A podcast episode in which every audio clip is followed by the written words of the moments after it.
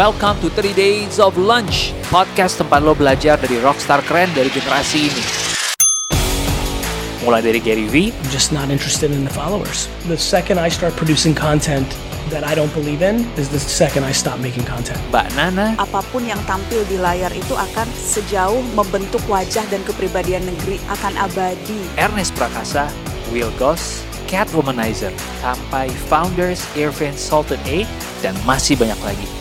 Kalau lo haus inspirasi dan lo serius mau upgrade diri, well, you are welcome to join the lunch.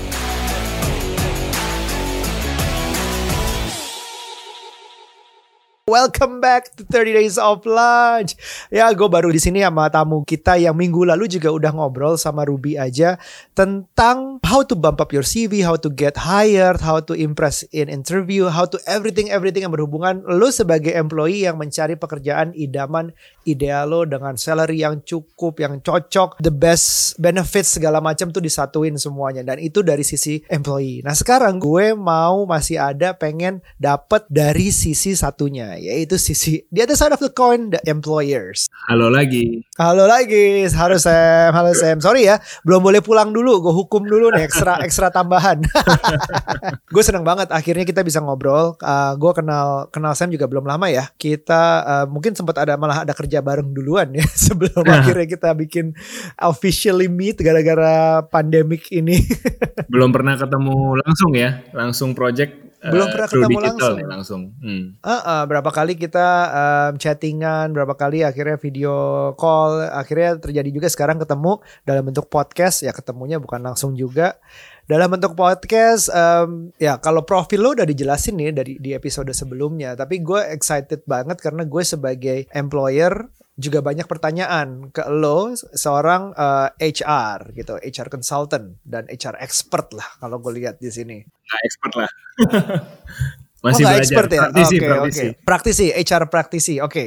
Gue di sini mau nanya um, pertama-tama kita ngobrol dulu dari sisi employee karena gue ngelihatnya mereka susah cari kerja. Mm -hmm. Banyak banget kata-kata seperti itu Indonesia semakin susah cari kerja bla bla bla tapi dari sisi employer itu juga nggak sedikit yang bilang bahwa well gue susah banget cari orang lagi kesusahan cari orang how does hmm. that happen karena menurut gue um, harusnya klop kan dia antara keadaan orang banyak banget yang cari kerja dan employers yang susah banget untuk cari orang. Nah, itu gimana bisa kejadian, Sam? Oke. Okay. Sebenarnya kalau gua analogikan ya, kita sebagai recruiter kalau cari karyawan itu seolah-olah seorang ibu rumah tangga yang lagi belanja nih ke supermarket untuk okay. memenuhi kebutuhan rumah tangganya gitu kan. Kita okay. pergi ke supermarket itu dengan certain budget yang kita punya, kita udah punya estimasi kira-kira rumah kita tuh butuh apa aja nih gitu kebutuhan belanja kita kali ini apakah sabun udah hmm. habis hmm. atau misalkan pembersih lantai udah habis dan lain sebagainya kan kan beda-beda kan peran peran peran barang-barang ini yang kita beli gitu kan nah kurang lebih Betul. pada saat kita belanja karyawan prosesnya uh, sama jadi kita pun ngelihat di dalam dapur perusahaan role apa aja uh, jabatan apa aja yang lagi kosong yang lagi kita cari gitu kan tapi meskipun uh, kita okay. bicara meskipun kita bicara satu jenis jabatan kayak misalkan lu mau nyari marketing manager gitu nah kemudian spesifikasi yeah. yang dicari sama perusahaan A B dan C kan lain-lain meskipun role-nya sama marketing manager tapi misalkan uh, rekruter ini datang dari perusahaan startup yang baru mungkin karyawannya 10 15 orang Artinya mungkin dia akan oke-oke okay. aja dengan marketing manager yang mungkin ya pengalamannya 4 5 tahun, belum terlalu senior tapi sudah pernah megang satu dua project yang cukup besar misalkan. Kalau itu sisinya startup. Tapi kalau kita okay. bicara rekruter yang datang dari perusahaan FMCG yang besar, lalu dia punya uh, brand-brand besar yang sering tayang iklannya di TV gitu kan means more is at stake gitu kan jadi rekruter ini tentu akan lebih mungkin mencari uh, meskipun sama-sama yang dicari marketing manager cuman yang dicari kali ini yang lebih season yang lebih pengalaman megang yeah. brand besar kayak gitu jadi it all comes down to apa ya the budget and and what kind of role that you're looking for in the market right now. Jadi mungkin lebih tepatnya uh, nyari kerja itu susah atau nyari karyawan itu susah adalah nyari kerja yang tepat dan nyari karyawan yang tepat itu yang susah berarti ya. Benar, benar. Ya, jadi nggak sembarangan soalnya yang dicari. Yes. Kemarin uh, Ruby juga banyak ngobrol, kalau lo sama Ruby juga banyak ngobrol tentang hiring, eh, bukan hiring ya, cari kerja lah. Gue mesti lihat dari sisi employernya sebagai bagian dari hiring. Kan capek tuh ngelihat, um, pokoknya kalau kalau lo udah ngomongin cewek yang yang tiba-tiba di subject email udah seluruh isi emailnya udah itu pasti nggak gue terima. Tiba-tiba yang kayak ngirim link doang langsung CV tanpa babi bu udah pasti nggak gue lihat. Hmm. yang kayak gitu kayak gitu kan itu udah dasar banget. Tapi begitu udah when it comes to actually gue menemukan nih orang nih wah semua tahap-tahap kemarin dibicarakan dia lewat dan dia cocok. Gue melihat selama ini pengalaman ada yang namanya probation ada yang namanya contract basis hmm. um, dan batas perpanjangannya sampai ada yang namanya permanen. Hmm. Terus gue sih kebanyakan ada probation udah pasti hmm. dan uh, dalam beberapa hal karena kita kita nggak pernah tahu di saat di di CV udah itu nggak pernah 100% gue yakin. Selalu kayak 90% mungkin kayaknya gue yakin. Dan di saat probation ini kita coba. Ngetes dulu ngetes dulu oke okay apa enggak ngetes dulu iya. Benar habis probation tapi kayak masih 92% misalnya gue naik dari 90 jadi 92% yakin nih kira-kira seperti itu. Mm -hmm. terus oke okay deh kita kontrak dulu. Nah kontrak itu pun juga nggak bisa selamanya kah sekarang mm -hmm. gimana sih cara dari hiring ini kita menentukan jenis-jenis pegawai pegawai segala macam from HR perspektif? Oke, okay. basically ya ini balik lagi ke undang-undang sih. Pada dasarnya sebenarnya yang dikenal oleh eh, undang-undang negara kita adalah ada dua jenis kontrak PKWT, which is perjanjian kerja waktu tertentu, sama PKWTT hmm. itu perjanjian kerja waktu tidak tertentu. Ini pastinya lu udah familiar lah, maksudnya sebagai yang bolak-balik ngerekrut orang gitu kan. Nah PKWT itu kalau ya. dibicara bahasa umumnya kita bilang karyawan kontrak. Kalau PKWTT itu karyawan uh. permanen biasanya orang bilangnya. Nah sebenarnya tadi okay. kita bilang istilah probation. Probation itu sebenarnya nempelnya ke uh, karyawan PKWTT, karyawan permanen. Jadi undang-undang mengizinkan untuk sebuah perusahaan sebelum dijadikan permanen karyawannya uh, tiga bulan dulu probation. Nah pada saat probation yeah. itu baik baik si karyawan maupun si pengusaha bisa memutuskan hubungan kerjanya bahkan one day notice dan tidak ada um, kompensasi apa-apa yang okay, harus dibayar. Jadi tiga bulan itu istilahnya time window buat free trial nih, baik pengusahanya maupun si karyawannya untuk memutuskan gue suka nggak ya lanjut di perusahaan ini, gue suka nggak ya sama orang gue kasih lanjut apa enggak kayak gitu. Nah tapi kadang ada mungkin yang bilang kayaknya tiga bulan nggak cukup Sam, gue um, yeah. mesti ngetes dia agak panjangan nih gitu. Gue pengen kasih dia challenge yang lebih besar, mungkin jualannya harus sampai deal dulu nih gitu. Kalau tiga bulan kan mungkin lo hire sales ya baru juga jadi pipeline-nya jualannya belum deal gitu kan harus udah jadi permanen. Sayang gitu kan. Ya. Ada mungkin ada pengusaha yang prefer begitu. Jadi akhirnya dimodifikasi sebenarnya kontraknya. Jadi yang dilakukan adalah diberikan kontrak PKWT. Jadi dijadikan karyawan kontrak dulu selama misalkan ya enam bulan oh, okay. atau satu tahun gitu. Nah baru kemudian setelah si karyawan kontraknya perform, akhirnya diberikan posisi permanen lewat kontraknya diganti gitu kan, di upgrade jadi kontrak permanen. Itu juga itu juga sering terjadi.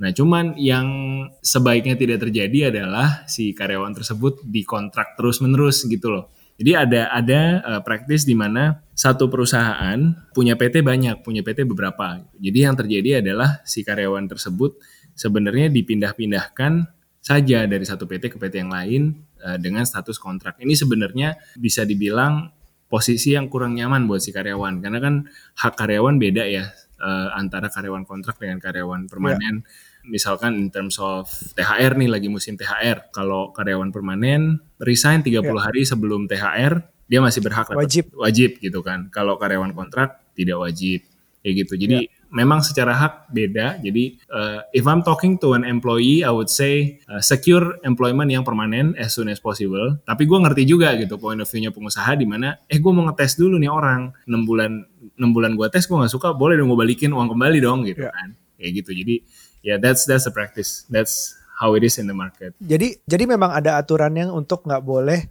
bahkan ada beberapa ya yang kayak menyarankan untuk well lo kontrak dia aja nanti kalau udah itu berhentiin kontraknya nanti hmm. hire lagi. Kan praktis itu pasti lo nggak nggak nggak asing kan buat lo pasti pernah denger. Kalau kayak gitu gimana? Kalau kayak gitu sebenarnya jadi gray area bro. Karena um, ada gitu perusahaan-perusahaan yang menyediakan jasa jasa alih daya ya atau bahasa Inggris kan dibilang outsourcing. Dengan dengan oh, gitu dengan, ya ada ya? dengan seperti itu gitu. Jadi sebenarnya PT-nya di atas kertas uh, eh, PT-nya bangunannya hanya satu misalkan kantornya, tapi di atas kertas dia PT-nya ada 10 kayak tadi yang udah gue ceritain. Nah yang terjadi adalah kan PKWT yeah. itu boleh diperpanjang sampai uh, dua kali kalau gue nggak salah. Jadi satu kali perpanjangan, eh, satu kali pembaharuan terus satu kali lagi perpanjangan kalau gue nggak salah ya. Jadi cuman maksimal dia bisa dia bisa kerja sebagai karyawan kontrak tiga tahun.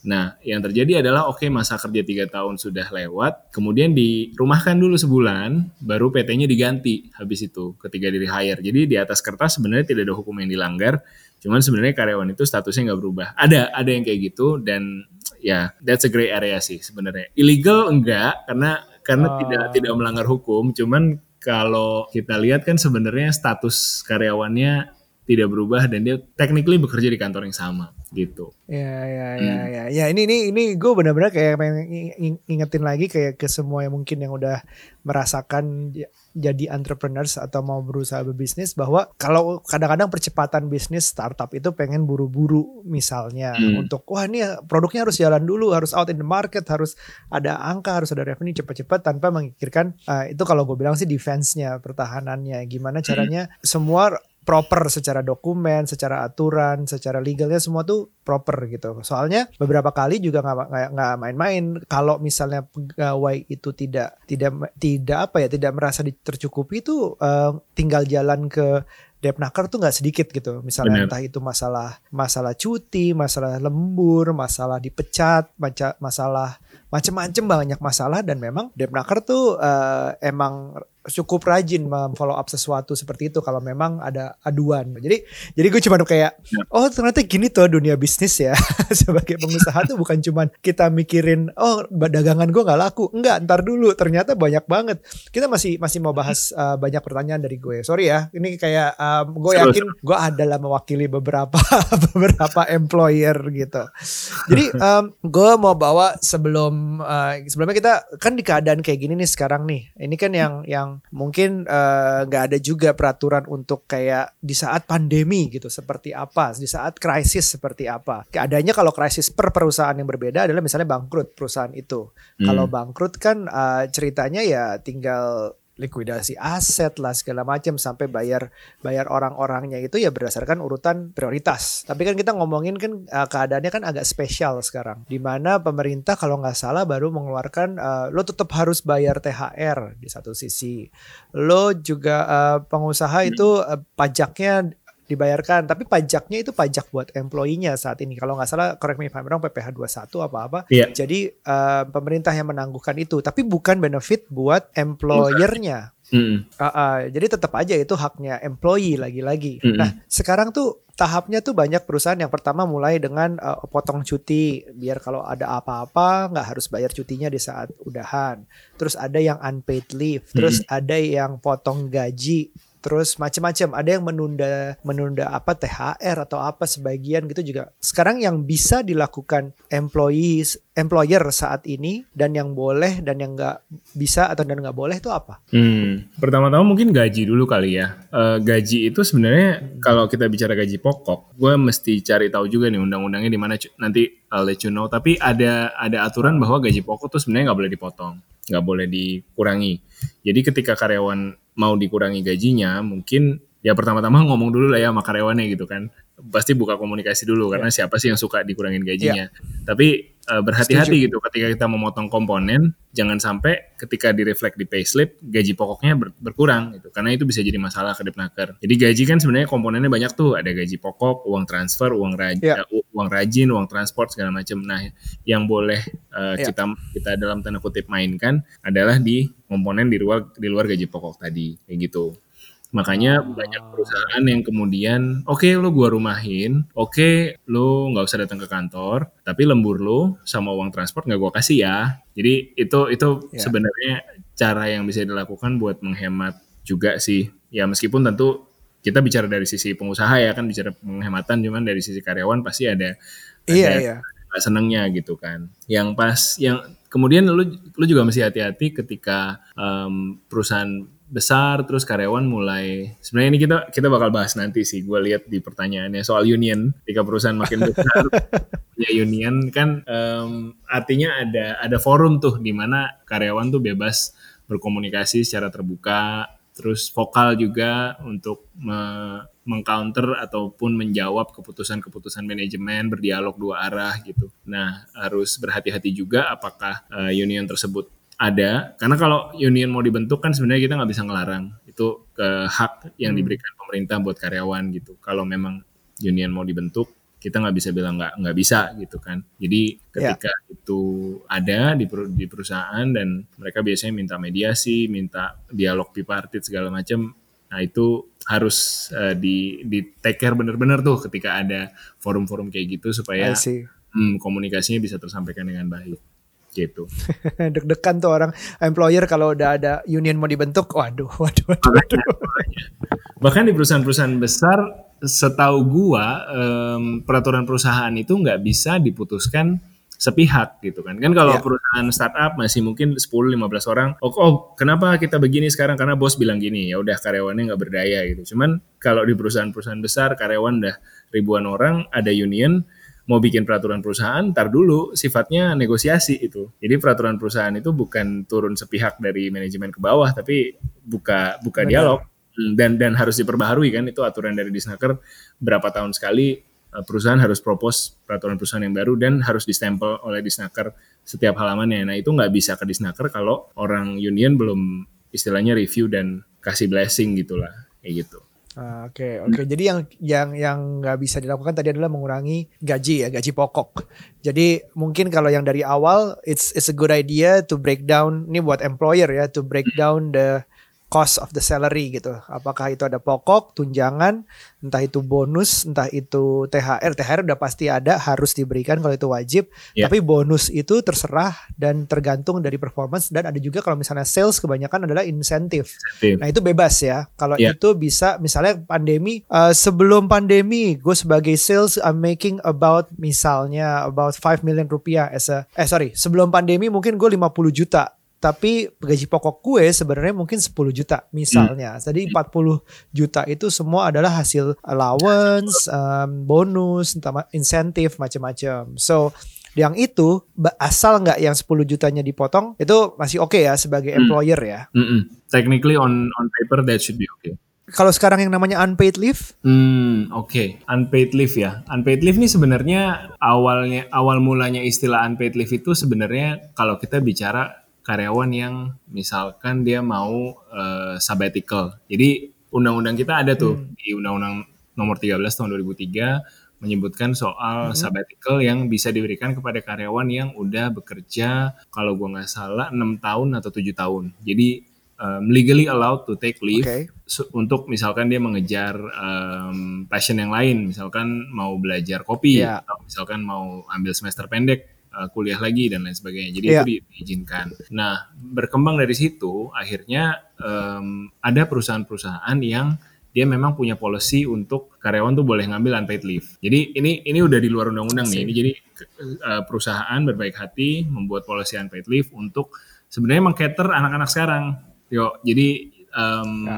milenial yang galau-galau dua tahun kerja pengen kuliah lagi atau pengen resign bikin bisnis segala macam jadi sebenarnya ini dijadikan semacam retention strategy gitu oh kalau kerja di sini nggak usah ya. khawatir yeah. lo dua tahun mau unpaid leave dulu enam bulan silakan habis itu bisa balik lagi jadi ini sebenarnya benefit yang didesain oleh um, perusahaan untuk supaya Iya nggak usah khawatir kok. You still kalau, have your job gitu ya. Yeah, you still have your job when you return. Just do whatever you want and then return after after you finish uh, doing it gitu. Kalau bisnis mau berhasil dan mau resign sekalian ya silahkan lakukan juga. So ini sebenarnya sebenarnya policy yang bagus gitu. Jadi ketika ada policy ini di perusahaan, it's good to take advantage juga karena kita kan ya siapa sih yang kepengen jadi karyawan terus-terusan gitu kan pasti ada juga uh, keinginan untuk yeah, buka yeah, bisnis yeah. dan lain sebagainya pursue your own interest itu sebenarnya bisa dipakai nah tapi kemudian um, di situasi pandemi ini sebenarnya pasal undang-undang tersebut dijadikan semacam um, justifikasi bahwa um, ya udah kita boleh dong bikin unpaid leave buat um, karyawan dan karena karyawan tidak bekerja, jadi ayat yang diambil tuh um, spesifik. Dia bilang ketika tidak bekerja maka tidak perlu digaji. Kurang kurang lebih kira-kira bunyinya begitu. Jadi okay. berdasarkan itu akhirnya uh, ketika unpaid leave ini dilakukan, maka karyawan-karyawan yang dirumahkan yeah. tadi gajinya pun dipotong atau dikurangi gitu karena dianggap uh, karyawannya tidak bekerja. Tapi yang kita nggak boleh lupa adalah sebenarnya kan unpaid leave ini harusnya keputusan dua belah pihak, sebuah kesepakatan gitu kan. Jadi yeah. di atas kertas seharusnya ada kesepakatan bersama bahwa perusahaan dan karyawan menyetujui bahwa dari tanggal sekian sampai sekian si karyawan atas nama si A tidak akan bekerja, um, maka dari itu gajinya akan menjadi sekian atau gajinya tidak dibayar dan lain sebagainya. Nah, mungkin yang harus di catch up oleh pengusaha ketika ingin melakukan ini harus berhati-hati. Pertama-tama komunikasinya tadi, komunikasi ke karyawannya harus jelas, mm -hmm. harus detail, dan kemudian um, terdokumentasi ketika unpaid leave dilakukan, pastikan karyawan pun nyaman dan mau menandatangani kesepakatannya tadi gitu. If if that's done, um, should be safe sih. Kesepakatan yang paling penting. Jadi unpaid leave entah itu masalah sebelum atau sesudah pandemi atau selama pandemi ini bisa dilakukan asal ada kesepakatan. Dan ini menjadi banyak jadi solusi di kebanyakan perusahaan sekarang di saat pandemi ini. Kayaknya unpaid leave ini pilihan cukup populer apalagi sebelum um, potong gaji ya karena itu beresiko sekali. Bahkan ada ada perusahaan yang gue dengar um, salah satu airline karena dunia gue di situ dia menawarkan lo mau potong gaji sekitar 15 sampai 20 persen atau lo ambil unpaid leave gitu. Kalau unpaid leave artinya gue nggak gaji lo sekarang lo masih dapat gaji yang sama nanti begitu balik atau dari sekarang lo tetap dapat gaji tapi dipotong. Itu yang salah satu airline yang gue tahu ngelakuin hal seperti itu dan ini international international carrier jadi ya apa direktifnya dari dari pusatnya mereka gitu. Oke. Okay. Itu yang gue tahu. Nah terus uh, I think I think uh, pandemi ini mudah-mudahan bisa jadi kayak pelajaran buat ke depannya how we structure our our company's wages sih salary segala macam gitu dan hmm. benefit-benefitnya dan ada klausul-klausul gitu. Boleh nggak sih kita taruh klausul gitu kayak misalnya eh nanti kalau ada ini lagi gini ya gitu. Boleh nggak sih? sebenarnya kan klausul itu udah ada sebenarnya di tiap kontrak which is um, force major yeah. gitu kan. Nah, force major sen yeah. cuman cuman force major sendiri ya, akhirnya balik lagi ke ingat nggak ya statement statement pemerintah berapa minggu yang lalu gitu. Gue lupa siapa yang ngomong, cuman dia bilang uh, eh, PSBB ini bukan landasan untuk jadi force major gitu. Jadi begitu PSBB di announce, uh. banyak pengusaha-pengusaha yang mengatakan, oh karena ini force major, gue boleh, gue boleh tidak bayar invoice, gue boleh tidak bayar gaji, gue boleh begini begitu begini begitu. Jadi banyak yang mengambil PSBB ini jadi dasar gitu. Nah, cuman pemerintah pun ah. akhirnya meng, me, mengeluarkan statement kayak gitu. Hmm. I see, I see, I see. Jadi jadi gini, uh, again balik lagi, ini ternyata uh, banyak hal yang bisa diketahui kalau seandainya kalian baru mau, ini pendengarnya baru baru mau mulai suatu perusahaan atau baru aja mulai sebelum terlanjur jauh, terlanjur banyak yang di hire, terlanjur cost structure-nya terlanjur berantakan ya baiknya dari awal tuh juga udah tahu ini semua. Karena HR itu um, salah satu menurut gue yang bisa bisa menjadi pedang juga buat perusahaan. Jadi ya perusahaan maju karena orang-orangnya bagus, tapi perusahaan juga bisa hancur gara-gara orang dari dalam juga gitu. Bukan karena saingan kompetisi atau kayak gimana, tapi orang-orang dari dalamnya sendiri gitu. Nah sekarang um, salah satu pain, c gitu. Pain sebagai employer adalah menurut gue when it comes to finding an employee who is doesn't match gitu. Mm -hmm. Bagi gue underperform. Underperform kalau underperformnya sedikit mungkin bisa dikasih, wait entah itu teguran lah istilahnya atau atau dikasih uh, workshop lagi, improve their disadvantages atau kekurangan mereka di improve lagi. Tapi kalau udah yang susah banget, nah gue tuh gak pernah tahu sebelum akhirnya terjun langsung di dunia entrepreneurship bahwa mencat orang tuh nggak kayak Donald Trump di Apprentice gitu, nggak kayak film-film yang cuma teriak you're fired terus sorenya pulang kantor semua udah tinggal kalau di Amerika bawa box barang-barangnya yeah. udah tinggal pulang meratapi nangis mereka enggak ternyata nggak segampang itu iya. mencat yeah. orang. Itu gue yang um, waktu itu masih belajar dari orang tua gue sih itu kayak terus kenapa emang gak bisa dipecat aja? Waduh, tar lu, tar lu, tar lu yo. Ini panjang nih. Ini mau mencat, mau mencatnya kenapa? Udah langkah apa aja sebelum mencat? Ini udah bagi gue ini udah kayak cerai gitu. Hmm. jadi jadi kayak harus ada SP, SP1 dalam waktu jangka berapa lama, uh, ada SP2, terus ada SP3, terus akhirnya baru pecat. Dan pecat pun itu tidak murah pak. Hmm. Padahal menurut kita dia yang underperform dan kita bisa membuktikan banyak hal yang menunjukkan dia underperform gitu. Hmm. Dan it was not that easy. Hmm. What if we make a mistake? Jadi dari awal tadi hiring ternyata kita salah nih. Aduh dia udah probation lewat, waktu probation oke, okay, I don't know something gua nggak lihat dulu atau ternyata dia berubah along the way. We hmm. wanna get rid of someone who's underperform. Hmm. Why isn't that easy? Itu pertanyaan pertanyaan yang harus kita tanyakan ke pemerintah sepertinya. Jadi yang lo bilang bener sih. Um, tadi ilustrasinya kan Donald Trump ya, you're fired gitu. Di Indonesia yeah. kebetulan labor regulationnya cukup cukup apa istilahnya ya? Mungkin bukan memihak, cuman cukup merangkul uh, kesejahteraan karyawan gitu. Jadi kalau bahkan nggak usah jauh-jauh ke Amerika di di Singapura pun seperti itu. Memecat melepas seseorang dari pekerjaannya ya regardless tuh mau udah kerja 10 tahun 15 tahun pecat ya udah pecat aja. Kalau di sini kebetulan ya memang yeah. tadi lu udah udah singgung juga um, it's not as simple. Bahkan di di ayat pertama di di pasal tentang pemecatan itu ada ada kalimat bahwa kira-kira bunyinya baik pengusaha maupun karyawan harus berusaha semaksimal mungkin agar pemecatan tidak terjadi. Jadi kira-kira bunyinya kayak gitu. Se itu itu ayat pertama loh gitu. Jadi lu bayangin the rest of the the rest of the pasal kayak gimana. So it mentions about uh, when you want to fire someone. Tadi benar ada SP 1 2 3. Um, tapi SP 1 2 3 tidak harus berurutan by the way. Misalkan you can you can prove yeah. that the severity Jumlah of the kesalahannya mistake, ya. Yes if you can prove the ya. severity yeah. of the mistake merit SP3 langsung atau SP2 it's it's fine as long as you can justify it terus setiap SP itu uh, umurnya enam bulan jadi ketika ada SP baru di atasnya dia dia akan akan meningkat gitu kan tingkat tingkat severity-nya tingkat kesalahannya dan nanti ketika SP3 uh, eh, boleh diajukan pemutusan hubungan kerja luar biasa kan diajukan gitu kan diajukan iya. artinya apa? Diajukan artinya apa? Bisa disetujui bisa tidak gitu. Nah gitu. Jadi si karyawan pun harus tanda tangan hitam di atas putih ketika mau dipecat. Terima nggak nih dipecat gitu. Terima nggak nih cerainya? Tadi kan ilustrasi lu cerai gitu kan. Jadi dia harus tanda tangan. yeah, yeah, yeah, kalau, yeah, yeah. kalau karyawan yang nggak seneng dia bisa masuk melanjutkan perkaranya ke PHI Pengadilan Hubungan Industrial. Apalagi balik lagi kalau tadi di perusahaan lu ada serikatnya, kalau misalkan perusahaan uh, karyawan yang nggak seneng, eh gue nggak seneng nih gue dipecat, kayaknya atas dasar kesewenang-wenangan deh gitu. Terus dia bisa buktiin, dia bisa bawa mungkin rekaman chattingnya atau videonya segala macam dibawa ke PHI, uh, sorry dibawa ke serikat, serikat bisa bisa make a case on it gitu.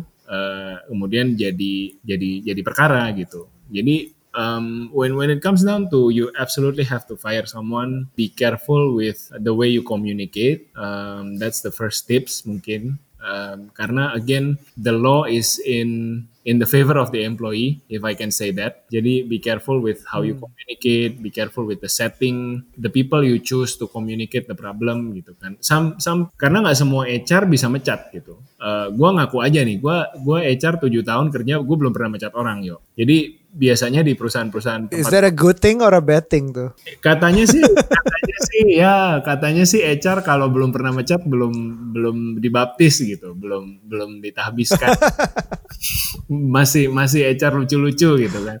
Kalau udah pernah mecat, nah biasanya di di perusahaan-perusahaan yang gua udah uh, ya yang yang gua yang gua join sampai hari ini biasanya ada bagian tersendiri. Biasanya bilangnya hubungan industrial. Nah, mereka adalah orang-orang yang by education biasanya um, hukum, legal practitioner, jadi ngerti gitu biasanya hafal luar dalam um, apa undang-undang segala macam. Dan ya memang memang um, terbiasa memecat orang bisa bisa dalam hitungan. Mungkin seminggu bisa tiap hari satu gitu. So if if you do have uh, these people mungkin in the company mungkin it's it's good. Or or if you're looking for an HR manager mungkin kita kita ngasih tips nih buat teman-teman startup nih yang baru bikin perusahaan. Mungkin for HR, um, yes employer branding is important. Mungkin you want you want someone who is hip, you want someone who knows how to brand your business in Instagram or LinkedIn. Tapi jangan lupa things might go south gitu kan. You might need to let go people. Hmm. Yeah, you you want to have someone who has a strong legal background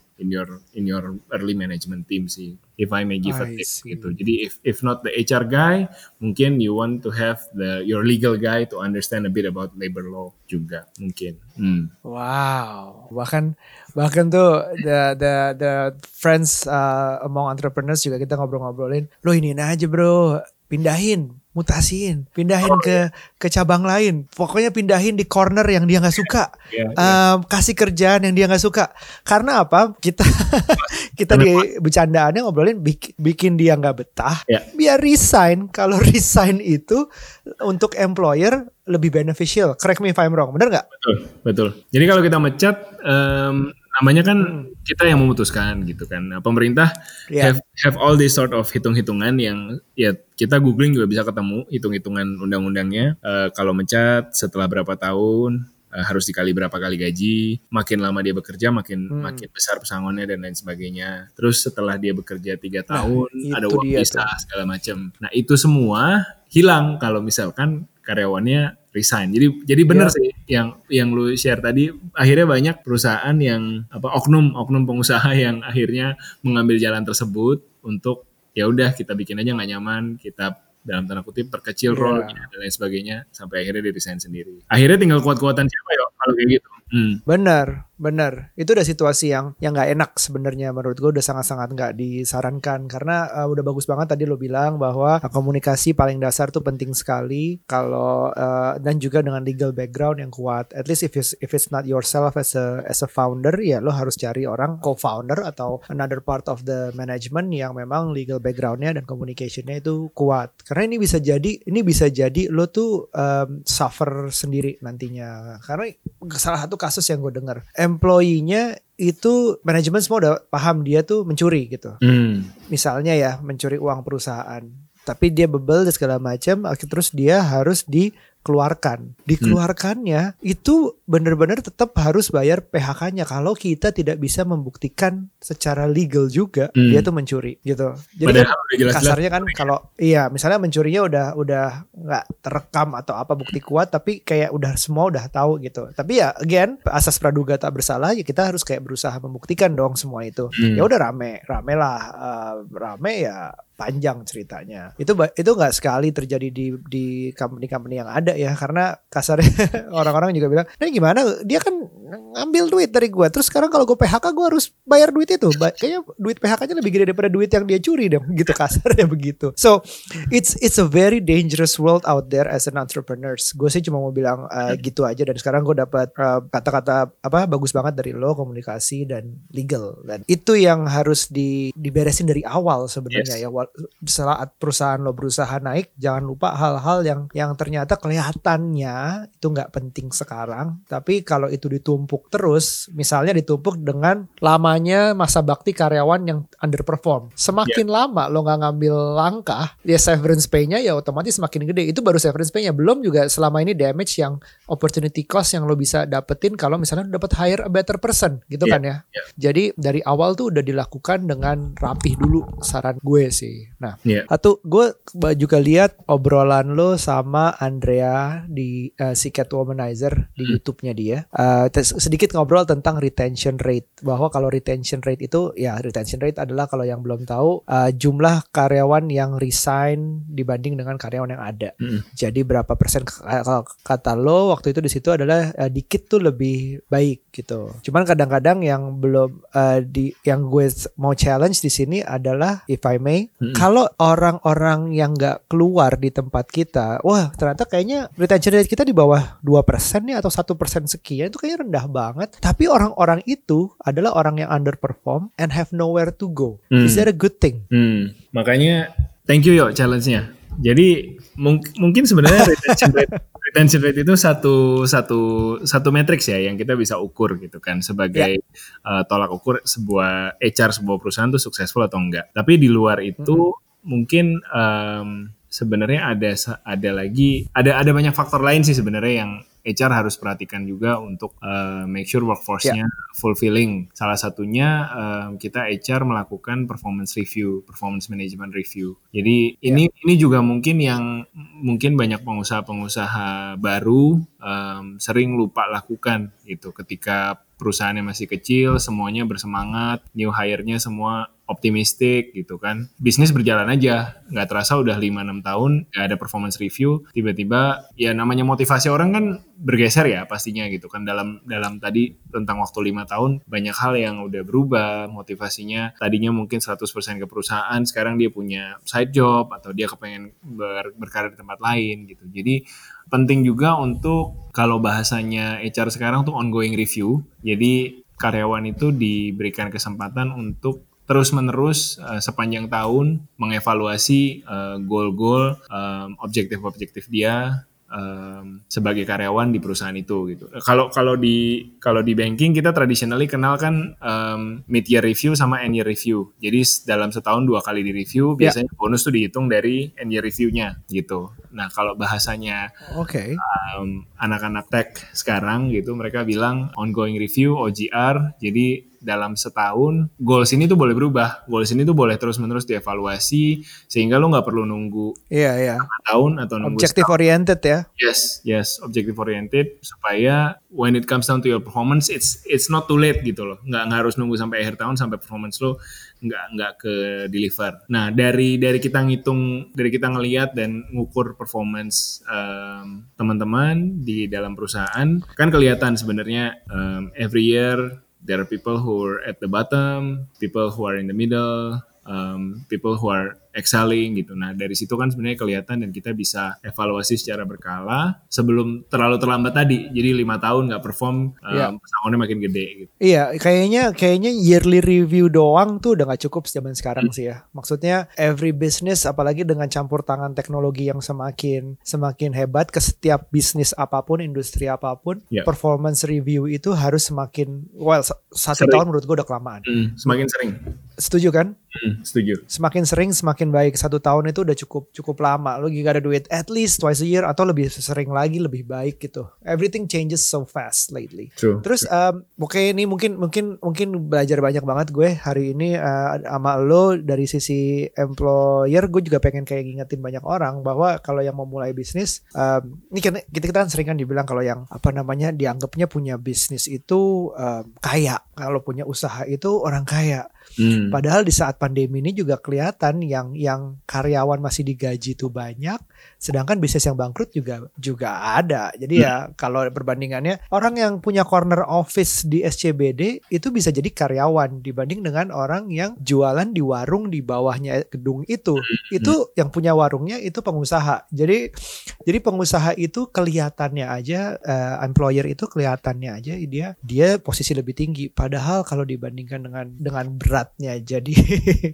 entrepreneurs itu juga ada ada ada trade offnya gitu jadi ya harus kayak kayak ini kita gue bukan yang mau nakut nakutin yang mau denger ini untuk jangan jadi entrepreneurs. No no no it's not that. It's more gue bersyukur banget ketemu lo ngobrol lo hari ini to, to make people realize that there are things at the defensive part yang harus dilakuin gitu. Yeah. jangan ditumpuk jangan kayak um, do it when there's a fire jangan sampai firefighting. Di saat enggak ya baiknya lo strukturisasi peraturan perusahaan struktur gaji, HR-nya segala macam itu. Bahwa HR itu bukan cuma yang ngurusin gaji dan lemburan aja. HR is a lot of things termasuk development dari karyawan-karyawan, bener nggak? Bener, bener. Kita ya emang gue juga diingetin sih yo um, sharing. Biasanya kan gue sharing ketemu nah. karyawan kan crowdnya gitu. Hari ini ketemu lo yang yeah. pengusaha juga, jadi diingetin lagi bahwa emang spektrum seorang sebagai pengusaha nggak boleh semata-mata pengen terjun karena ya ngejar passion atau iya kepengen dilihat keren yeah. kayaknya kayaknya enak jadi pengusaha bisa leha-leha gitu justru sebenarnya um, faktor yang harus dipikirin tuh jadi lebih banyak gitu kan. Kalau kita karyawan kan ya udah 9 to 5 pulang istilahnya otak bisa di shutdown gitu kan. Pasti tanggal 25 gue gajian.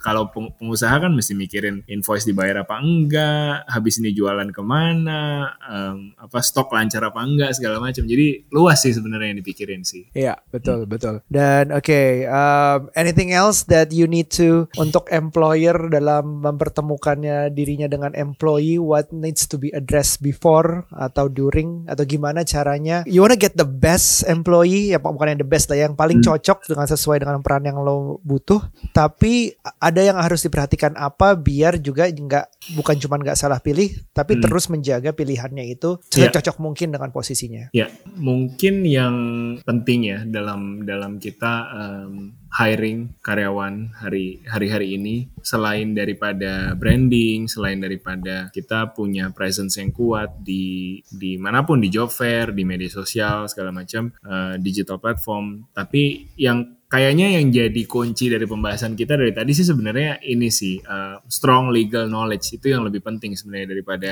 daripada branding dan um, apa namanya uh, communication issues uh, uh, ketika kita communicate brand kita ke prospective employee. Itu itu sebenarnya nggak kalah penting. Tapi underlying itu semua yeah ketika kita memulai satu perusahaan um, tadi yang ketika kita bicara tunjangan, gaji pokok, Eh, komponen-komponen gaji harus terstruktur dengan baik. Terus um, kita yeah. kita bisa memilih karyawannya kita jadikan karyawan kontrak dulu atau kita jadikan permanen langsung gitu. Jadi hal-hal kayak gini sebenarnya harus dipikirkan juga karena in the long run yaitu tadi ketika karyawan bertambah banyak, perusahaannya go going too big too fast dan kita nggak punya legal yeah. uh, background, legal knowledge um, yang kuat, maka ya kita bisa jadi kebelit sendiri sama urusan-urusan SDM yang sebenarnya bisa dihindari kalau kita punya landasan yang bagus di awal. Gitu. So it's it's always worth it to go to the drawing board. My point is, uh, and to set up a, a clear policy direction, especially people policy in your company before you expand. That that's probably the the, the main message. Hmm. Oh wow, strong legal knowledge sesuatu yang kalau baru mulai bisnis tuh biasanya um, tarsok tarsok mm. uh, memulai bisnis tuh lebih ke produknya gimana yang terbaik laku apa enggak ada yang beli apa enggak marketingnya gimana caranya biar mm. keren biar nyampe ke yang mau diinginkan hiring the best people yang yang uh, oh gimana ya gajinya segala macam tapi in the long run legal itu selalu kayak nanti deh kalau perusahaan kita udah hit certain numbers misalnya mm. atau kita kita udah mau uh, bahkan legal misalnya oh kalau kita mau pitching ke pemerintah tuh baru ada legalnya misalnya mau pitching project besar baru ada legalnya. Ini yang ini yang penting ya. Dan legal itu bukan cuma masalah dispute atau masalah apa. Jadi legal tuh banyak juga. Salah satunya ya HR ini yang jangan sampai pedang bermata dua nusuk kita dari dalam bahkan. Yes. itu itu yang gue pelajar pelajarin banget sih. Semoga semua yang baru memulai bisnis atau baru mau bisnis atau bahkan bagian hiringnya sendiri to be more to learn more to research more about having a strong legal background untuk di sekitar HR ini right? Thank you. Sam I can't thank you enough. Thank you so much for um, menjadi bagian dari 30 days of lunch. Um, data-data lo lo pasti semua oh kayaknya followers lo juga udah pada kenal ya. Udah udah bukunya juga udah keluar. Uh, interview di mana juga udah banyak. How how would Uh, I mean, oh, lo bisa lah di reach ya di di Instagram. Nanti juga akan dikenalkan dengan oleh Three Days of Lunch. I think it's a, it's a good talk with you. Uh, yeah. Semoga kita bisa ketemu ya habis pandemi ini ya. Mau mau mau banget ketemuan. Pokoknya ini, harus ya. lunch atau ngopi atau something ya gitulah pokoknya harus ketemu dan gue berharap lo sehat-sehat juga ya. Sama-sama yuk. Alright, sampai ketemu men. Oh, thank you banget sekali lagi. Bye now. Bye. Hey, buat kalian yang mau beli Lenovo atau Legion, belinya di blibli.com karena ada triple gift. Apa aja? Yaitu voucher dari Blibli, Grab Gift, dan tambahan Grab Gift lagi kalau kalian pakai voucher gue, Shegario X Lenovo atau Shegario X Legion. Keterangan lebih lanjut bisa ke blibli.com slash promosi slash KLA dash Lenovo dash virtual dash exhibition. Oke? Okay?